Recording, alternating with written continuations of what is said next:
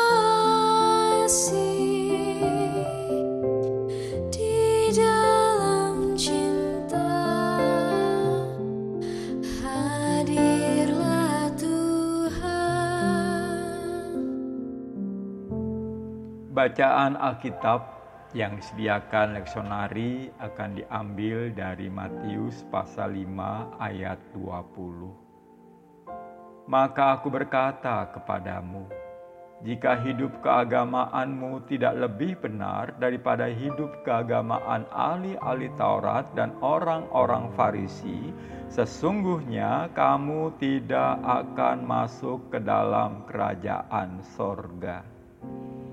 Bapak, Ibu, dan anak-anakku sekalian, pada zaman Tuhan Yesus, orang Farisi dan ahli Taurat sangat getol dengan hukum-hukum agama. Mereka juga suka menyalahkan orang lain karena melanggar hukum agama. Namun, persoalan yang dikritik Yesus ialah mereka menjalani hukum sekadar legalitas formal mereka menaati hukum hanya dengan satu niat agar jangan dihukum. Sehingga mereka merasa sudah nyaman apabila tidak melanggar hukum dan hanya berhenti sampai di situ. Tuhan Yesus berbeda, Bapak, Ibu, dan anak-anakku sekalian. Bagi Dia, dasar segala keinginan untuk melaksanakan hukum Allah bukanlah karena perintah itu sendiri, tetapi keinginan untuk mengasihi Allah. Jadi, dasar melakukan perintah itu bukan agar tidak dihukum, namun karena mereka memang mengasihi Allah. Dan karena itu, Tuhan Yesus menegaskan kepada para muridnya. Saya kutip ayat tadi dalam Alkitab Bahasa Indonesia masa kini kalian tidak mungkin menjadi umat Allah kalau tidak melebihi guru-guru agama dan orang-orang Farisi dalam melakukan kehendak Allah. Yesus orang Nazaret membenci segala yang berbau formalisme. Jika hanya berdasarkan formalisme, maka orang sudah merasa puas jika dia tidak melakukan pembunuhan karena perintahnya memang jangan membunuh. Tuhan kita menerobos lebih dalam. Dikatakan pada ayat ke-22. Tetapi aku berkata kepadamu, setiap orang yang marah kepada terhadap saudaranya harus dihukum Siapa yang berkata kepada saudaranya kafir harus diharap dihadapkan ke mahkamah agama dan siapa yang berkata jahil harus diserahkan ke dalam neraka yang menyala-nyala. Dalam Alkitab bahasa Indonesia masa kini tertera. Tetapi sekarang aku berkata kepadamu, barang siapa marah Beberapa naskah kuno menyatakan barang siapa marah tanpa sebab kepada orang lain akan diadili dan barang siapa memaki orang lain akan diadili di hadapan mahkamah agama dan barang siapa mengatakan kepada orang lain tolol patut dibuang ke dalam api neraka. Jadi tidak hanya jangan membunuh tetapi kalau marah tanpa alasan, memaki orang, dan berkata kepada orang lain tolol, maka itu kata Tuhan Yesus patut dibuang ke dalam api neraka. Mengapa? Karena semua tindakan itu sejatinya lebih keji dari pembunuhan, atau sama seperti halnya pembunuhan. Itu berarti penghinaan terhadap harkat dan martabat orang lain dan merendahkan harkat dan martabat orang lain sama halnya dengan menghina Sang Pencipta. Selanjutnya Tuhan Yesus melangkah lebih jauh. Pada ayat 23 dan 24 dari pasal 5 tadi, saya akan kutipkan bahasa Indonesia masa kini. Kalau salah seorang di antara kalian sedang mempersembahkan pemberiannya kepada Allah, lalu teringat bahwa ada orang yang sakit hati terhadapnya, hendaklah ia meninggalkan dahulu persembahannya itu di depan mesbah, lalu pergi berdamai dengan orang itu. Sesudah itu dapatlah ia kembali dan mempersembahkan pemberiannya kepada Allah.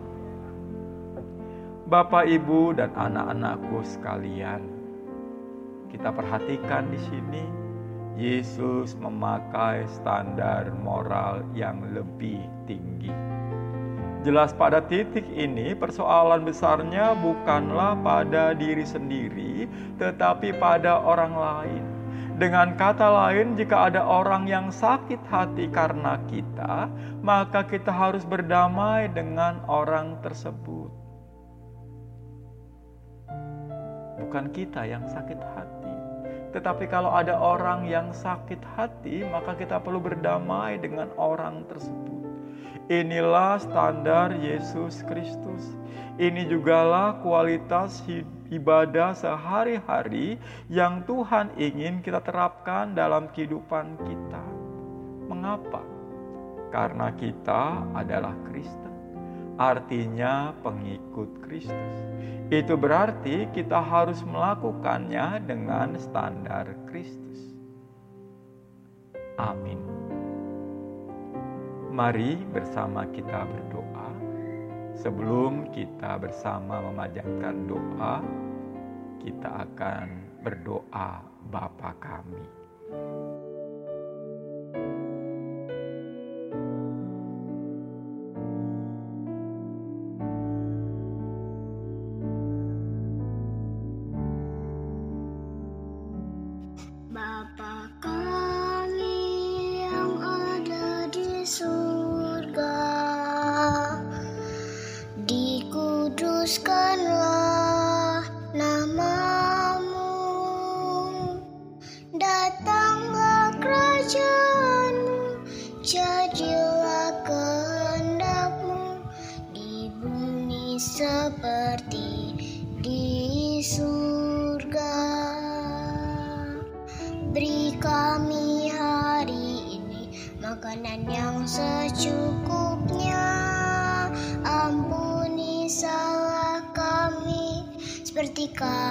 ampuni yang bersalah pada kami.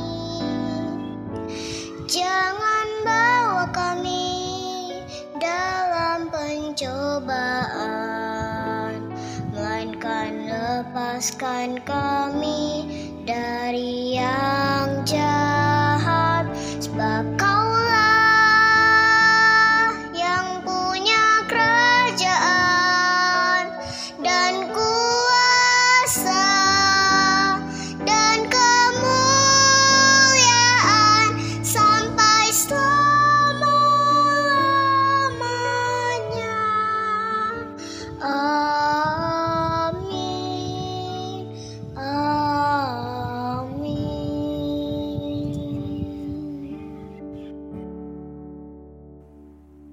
Tuhan Allah kami, terima kasih untuk sapaan-Mu malam ini yang mengingatkan kami untuk mampu meningkatkan kualitas ibadah kami sehari-hari.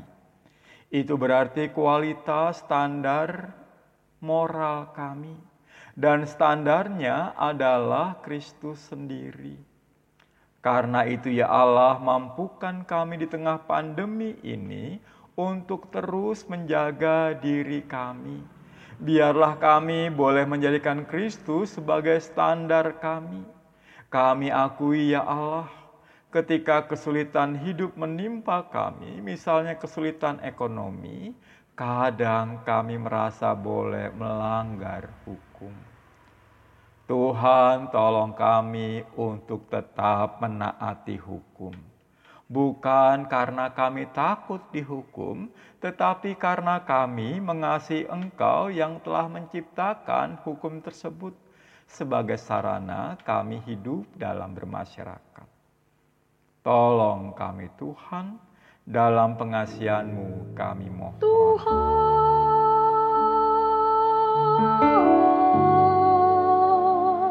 dengarlah doa kami.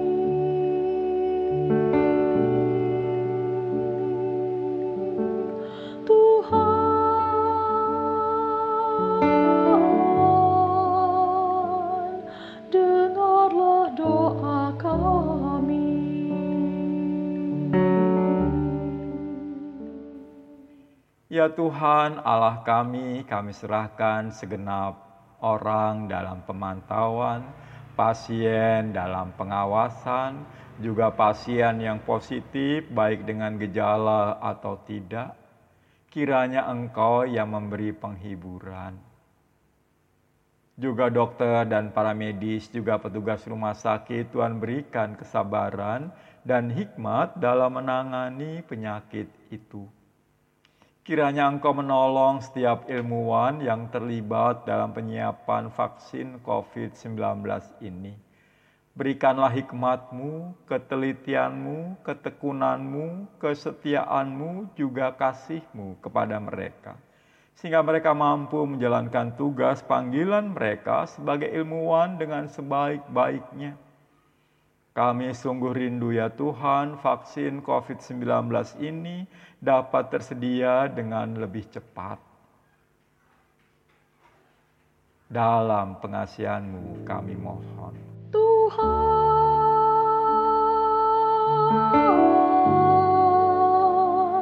dengarlah doa kami.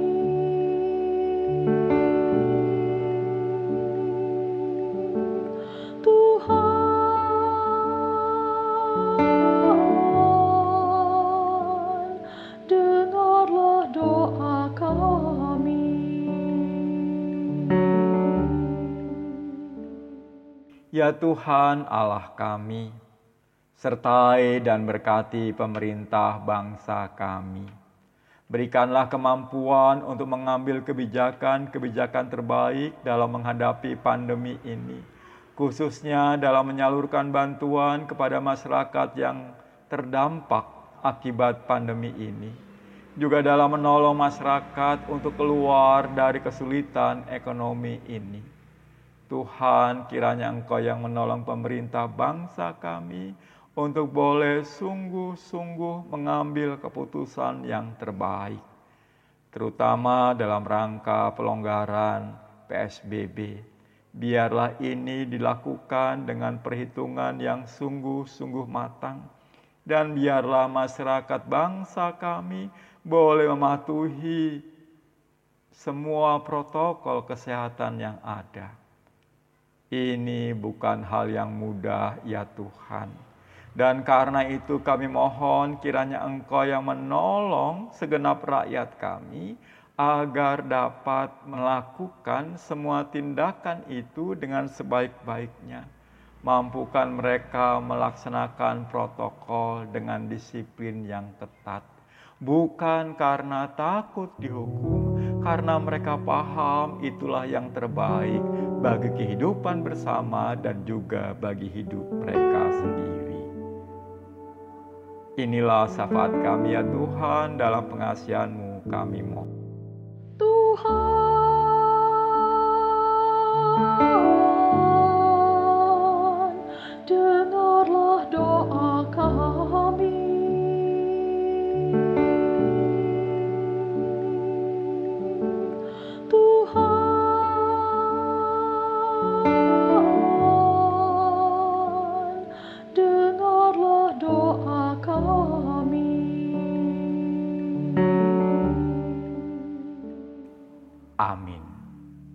Bapak Ibu sekalian, demikianlah doa bersama malam hari ini.